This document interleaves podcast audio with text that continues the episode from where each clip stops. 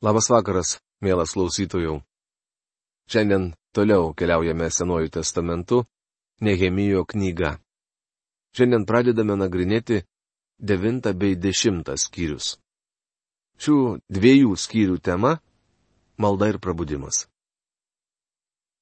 Jei pamenate, nagrinėjant Ezros knygą minėjau, jog keliose Biblijos knygose užrašyti puikūs devintieji skyriai. Ezros devintame skyriuje, Nehemijo devintame skyriuje ir Danieliaus devintame skyriuje rašoma apie prabudimą. Dabar išsiaiškinkime, ką reiškia žodis prabudimas. Šis žodis dažniausiai neteisingai suprantamas. Jis reiškia atgauti gyvenimą ir jėgą, o taip pat atgauti sąmonę. Šis terminas kalba apie tai, kas turi gyvenimą, vėliau nuslūksta galbūt net iki mirties taško, nebetenka gyvybės ir vėl atgaivinama. Laiške romiečiams 14 skyriaus 9 eilutėje Paulius byloja apie Kristaus prisikelimą. Jis sako, kad Kristus atgyjo. Juk Kristus numirė ir atgyjo įdant būtų ir gyvųjų, ir mirusiųjų viešpats.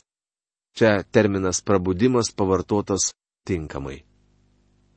Akivaizdu, jog mes apribojame žodžio prabudimas vartojimą, kalbėdami tik apie tikinčiuosius.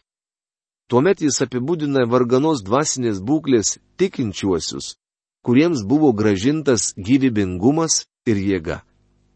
Šiame skyriuje žodis prabudimas vartojamas kaip tik šią reikšmę. Vis dėlto esu tikras, jog daugelis iš jūsų atradote, jog šio termino reikšmė platesnė ir jis kalba apie masiškai paskristų ateinančius žmonės. Iš tiesų šie dalykai persipinę. Jei Dievo žmonės neprabudę, niekuomet nesulauksime sielų derliaus. Šiame skyriuje skaitysime apie prabudimą, kuris prasidėjo po Dievo žodžio skaitimu. Šis skaitimas matyt tęsiasi ilgai. Aš nežinau kiek laiko. Raštininkas Ezras skaitė iš sakyklos prie vandens vartų, o žmonės verkė ir liūdėjo. Kai buvo skaitomas Dievo žodis, jie nebesuvaldė emocijų, nes niekada anksčiau nebuvo jo girdėję. Tuo metu žmonėms jis darė didelį poveikį ir įkvėpė juos tam tikriems veiksmams. Izraelitai suprato, kaip jie nutolo nuo Dievo nustatytų standartų. Skaitydami Ezros knygą sužinojome, kaip tai paveikė patį Ezrą. Turime pripažinti, kad be Dievo žodžio negali būti prabudimo. Kaip jau esu minėjęs, Dvaitas Mudis mane, jog kitas ateinančių dienų prabudimas bus Dievo žodžio prabudimas. Kaip norėčiau, kad dabartiniai mūsų evangelistai daugiau dėmesio skirtų Biblijos mokymui, o ne jausmams, emociniam patrauklumui ir didumui, kuris ne visada yra prabudimo ženklas. Atkreipkite dėmesį, ką Dievas padarė šiems žmonėms. To mėnesio 24 dieną izraelitai susirinko pasninkaudami, apsivilkę ašutinėmis ir apsibarstę žemėmis. Tada Izraelio palikonis atsiskyrė nuo visų svetimtaučių, atsistojo ir išpažino savo nuodėmės bei savo protėvių kaltes. Nehemijo knygos 9 skyriaus 1-2 eilutės. Jie išpažino ne tik savo nuodėmes, bet ir protėvių kaltes. Ketvirtadalį dienos, stovėdami savo vietose, jie skaitė iš viešpatie savo Dievo įstatymų knygos, o kitą ketvirtadalį išpažino nuodėmes ir parpuolę kniupsti, šlovino viešpati savo Dievą. Nehemijo knygos 9 skyriaus 3 eilutė. Dievo žodis apreiškė žydams, kokie jie nuodėmingi. Žmonių nuoširdumą liudijo pasninkas, ašutinės ir pelenai. Vėliau jie išpažino nuodėmės ir šlovino viešpati. Šiomis dienomis jauni žmonės labai kritiški mano kartos atžvilgių ir jie teisūs. Tačiau jeigu jie sugrįž prie Dievo žodžio, jaunuoliai daugiau nebebus tokie kritiški ir išpažins ne tik mūsų nuodėmes, bet visų pirma savasias.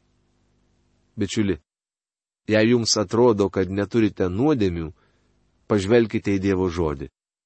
Izraelio vaikai ketvirtadalį dienos skaitė įstatymą, o vėliau elgėsi pagal tai, ką perskaitė. Išpažino savo nuodėmes. Jei manote, kad esate tobulas, tuomet apgaudinėjate pat save.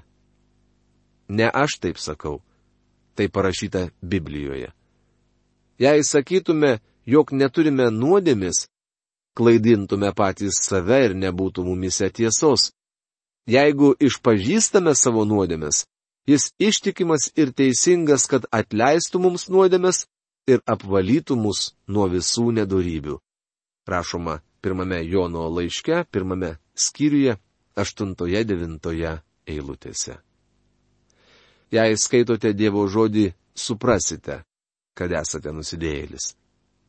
Kai pripažinsite šį faktą, tuomet norėsite išpažinti savo nuodėmes. Išpažinti reiškia sutikti su Dievo žodžiu, užuot įsisukinėjus ar teisinusis. Išpažintis mūsų veiksmus ar mintis vadina nuodėme. Kai mes išpažįstame savo nuodėmės, Dievas ištikimas ir teisingas, kad jas atleistų. Pamenate, aukštutinėme kambaryje Jėzus savo mokiniams plovė kojas. Dabar tą patį jis daro sėdėdamas danguje Dievo dešinėje. Jis mus apvalo. Šiandien neįmanoma vaikščioti gatvėmis taip, kad nesusiterštų protas, akys arba ausys. Galbūt netgi jūsų rankos ir kojos susitepa. Todėl mes einame išpažinti savo nuodėmės Dievui. Per paskos šventę Jėzus atsikėlė po vakarienės ir pradėjo mokiniams plauti kojas. Petras atsiliepė, tu nemazgosi man kojų per amžius? Jėzus jam atsakė, jei tavęs nenumazgosiu, neturėsi dalies su manimi. Jono Evangelijos 13 skyriaus 8 eilutė. Šiandien nemažai žmonių, kurie negyvena Dievo žodžio šviesoje, stengiasi tarnauti Dievui. Jei sakytume, kad bendraujame su juo, o vaikščiotume tamsoje, meluotume ir nevykdytume tiesos, o jei vaikščiojame šviesoje, kaip ir jis yra šviesoje, mes bendraujame vieni su kitais ir jo sunaus Jėzaus kraujas apvalo mus nuo visų nuodėmių. Pirmas Jono laiškas, pirmas skyrius, šešta, septinta eilutės. Svarbu ne kaip vaikštai, bet kur vaikštai. Kai vaikštai Dievo žodžio šviesoje, tuomet matai, kad esi netekęs jo garbės. O kai tai pamatai, tuomet ateini pas jį ir išpažįsti savo nuodėmes. Jeigu to nepadarai, jis tau sako, jei tavęs nenumazgosiu, neturėsi dalies su manimi. Vadinasi, negalėsi su juo bendrauti. Todėl Izraelio vaikai praleido ketvirtadalį dienos skaitydami Bibliją, o kitą ketvirtadalį išpažindami nuodėmes. Po to, kai mokiau iš laiško romiečiams, gavau apie tuziną laiškų iš žmonių, kurie prisipažino negražiai apie mane kalbėję, o vienas žmogus netgi parašė, jog manęs nekenti. Šiems žmonėms nereikėjo man išpažinti savo nuodėmis, nors aš tikiu, kad jei kam nors padarėjai blogą, tai turi su tuo žmogumi pasikalbėti ir atitaisyti padėtį. Esmė ta, jog Dievo žodis šių žmonių gyvenime padarė įtaką. Jei jis įtakos jūsų gyvenimą, tuomet išpažinsite savo nuodėmės Dievui. Tai kelias į prabudimą, nes kito kelio nėra. Tikiu, jog po to, kai nuodėmė buvo išpažinta, ir manau, jog tai buvo asmeninė išpažintis, šie žmonės ištaisė tą blogą, ką buvo padarę. Sėkminių dieną Petras įtakojo prabudimą ne savo išpažintimi, kaip jis išsigynė viešpatės Jėzaus. Gydytojas Lukas ir Paulius pasakoja, jog mūsų viešpats asmeniškai pasirodė Simonui Petrui. Tai buvo asmeninis dalykas, kurį jie turėjo išspręsti dviese. Juk jūs viešai nesiprausėte, bent jau viliuosi, kad taip nesielgėte. Todėl neturėtumėte ir savo nuodėmių viešai išpažinti, nes tai asmeniška. Simonas Petras asmeniškai išpažino savo nuodėmes. Viešas išpažinimas tai tik isterijos banga, o ne prabudimas.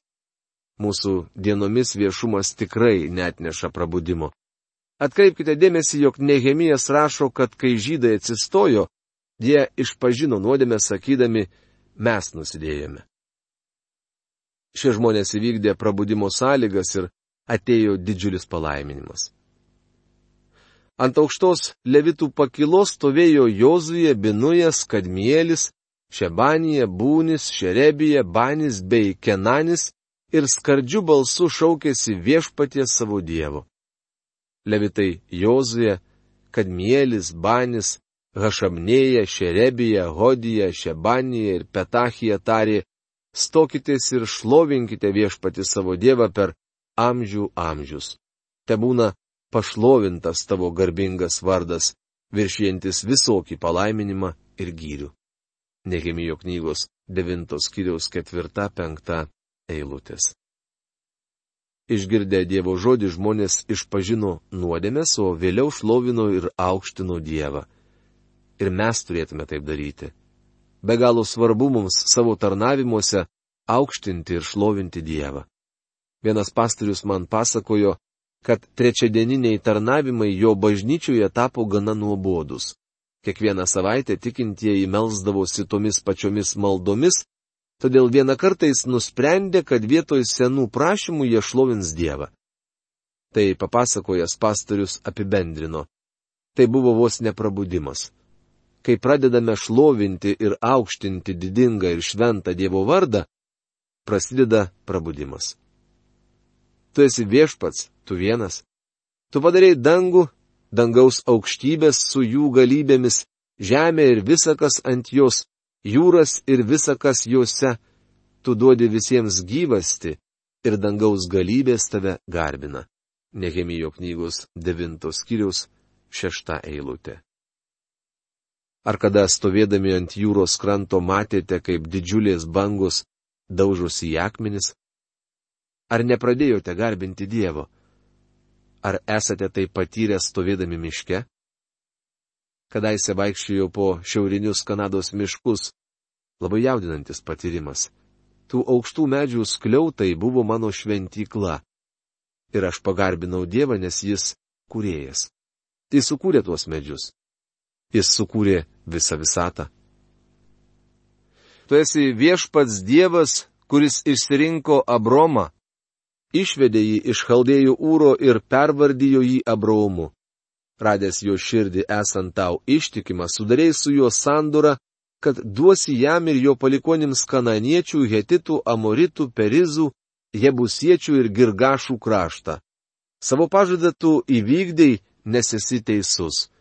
Tu pamatėjai mūsų protėvių vargą Egipte, išgirdai jų šauksmą prie Nendrių jūros. Tu padarėjai ženklų ir nuostabių darbų prieš faraoną, visus jo tarnus ir visus jo krašto žmonės, nes žinojai, kaip įžuliai jie elgėsi su mūsų protėviais. Taip pasidarėjai savo vardą, išlikusi iki pat šios dienos. Nehemijo knygos 9 skyriaus 7-10 eilutės. Izraelitai šlovino Dievą dėl Abromo, kad visagalis apsaugojo jį Kanano žemėje. Jie šlovino Dievą už tai, kad jis išvedė jų tautą iš Egipto žemės ir stebuklingai vedė žmonės per dykumą, saugojo juos ir globojo. Ar kada nors dėkojote Dievui už tai, kad gyvenate šioje šalyje? Mano senelis iš tėvo pusės gyveno Šiaurės Airijoje. Jis buvo škotas ir oranžistas. Šiaurės Airijos ultraprotestantų partijos narys. Ten žmonės kariavo, todėl jis persikėlė gyventi į Ameriką.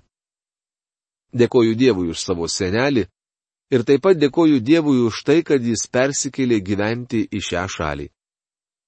Aš nenoriu gyventi Šiaurės Airijoje. Man visai nerūpi, ką žmonės ten mano apie tėvynę. Esu dėkingas Dievui už tai, kad aš amerikietis. O Nehemijo tauta džiaugiasi, kad jie izraelitai. Žmonės pripažino, kad Dievas ne tik jų kuriejas, bet taip pat ir atpirkėjas. Jie dėkojo Dievui už atpirkimą, kuris įvyko jam išvedus savo tautą iš Egipto. Mes privalome dėkoti Dievui už du dalykus. Jis kuriejas, visa ta priklauso jam. Taip pat jis išgelbėjo ir atpirko mus. Beje, ar kada nors Dievui sakėte, kad jį mylite? Oi kaip mums to reikia. Nelaukite sekmadienio ryto, kuomet ateisite į bažnyčią gėdoti religinių himnų.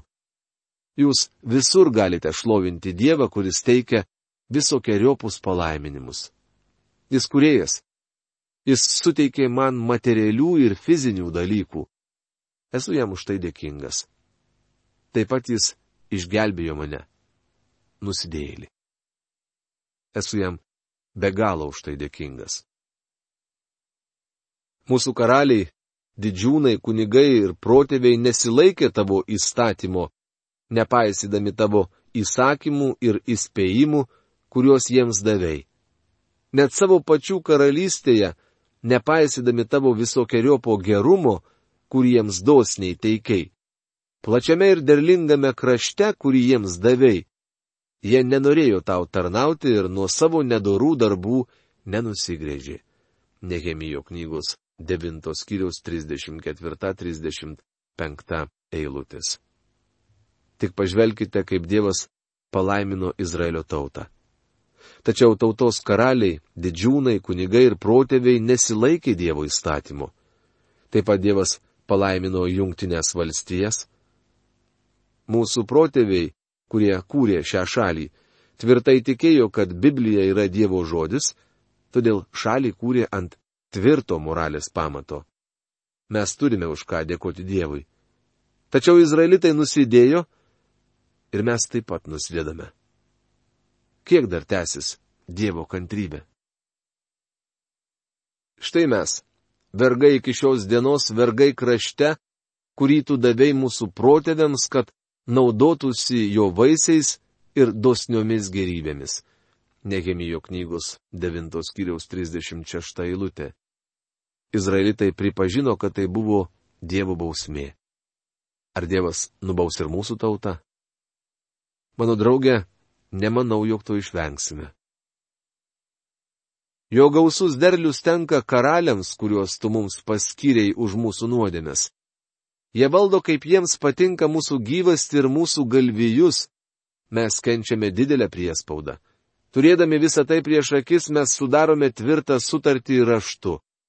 Šiame anspauduotame rašte įrašyti vardai mūsų didžiūnų, levitų ir kunigų. Nehemijo knygos 9 skyriaus 37-38 eilutės.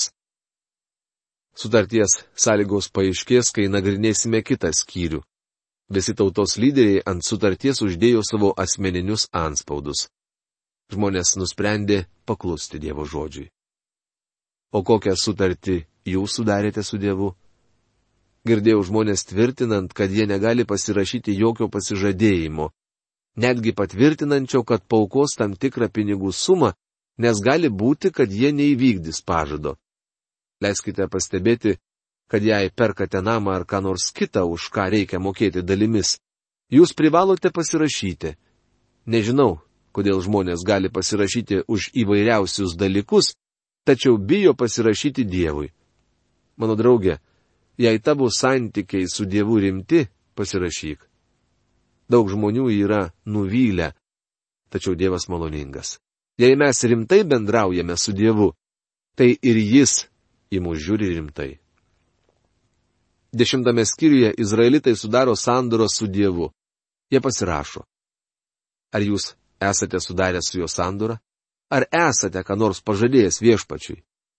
Sandūra rimtas dalykas ir viešpats nori žinoti, ar mes su juo nejuokaujame. Skaitydami šį skyrių sužinome, kad visų pirma išvardyti valdytojas Nehemijas ir 22 kunigai. Jie pasirašo sutartį. Atskiri levitai po sutartimi pasirašo savo šeimų vardus. Vienijasi su savo garbingais giminėmis iškilminga priesaika, norėdami sekti Dievo įstatymu, duotu per Dievo tarną Mozę ištikimai laikydamiesi ir vykdydami visus viešpaties, mūsų viešpaties įsakymus, įsakus ir įstatus. Nehemijo knygos 10 skyriaus 30 eilutė. Jie įsipareigoja laikytis įstatymo ir konkrečiai nurodo tris dalykus, kurių žada laikytis. Akivaizdu, kad tuos dalykus įvardina todėl, jog iki šiol izraelitai šių įstatymo paliepimų nesilaikė. Sutarta, kad mes neduosime savo dukterų vesti šalies tautoms, nei imsime jų dukterų savo sūnums. Nehemijo knygos 10 skyriaus 31 eilutė. Regis tai buvo amžina Izraelio problema. Nuo šiol žydai įsipareigoja niekada nesituokti su pagonimis. Kai šalies tautos atneš prekių ar kokių nors grūdų parduoti šabo dieną, per šabą ar bet kokią kitą šventą dieną, mes jų nepirksime. Septintaisiais metais atsisakysime žemės derliaus ir visų neapmokėtų skolų. Nehemijo knygos 10 skyriaus 32 eilutė. Antras izraelitų įsipareigojimas per šabo dieną ar bet kokią kitą šventą dieną jie nieko nepirks.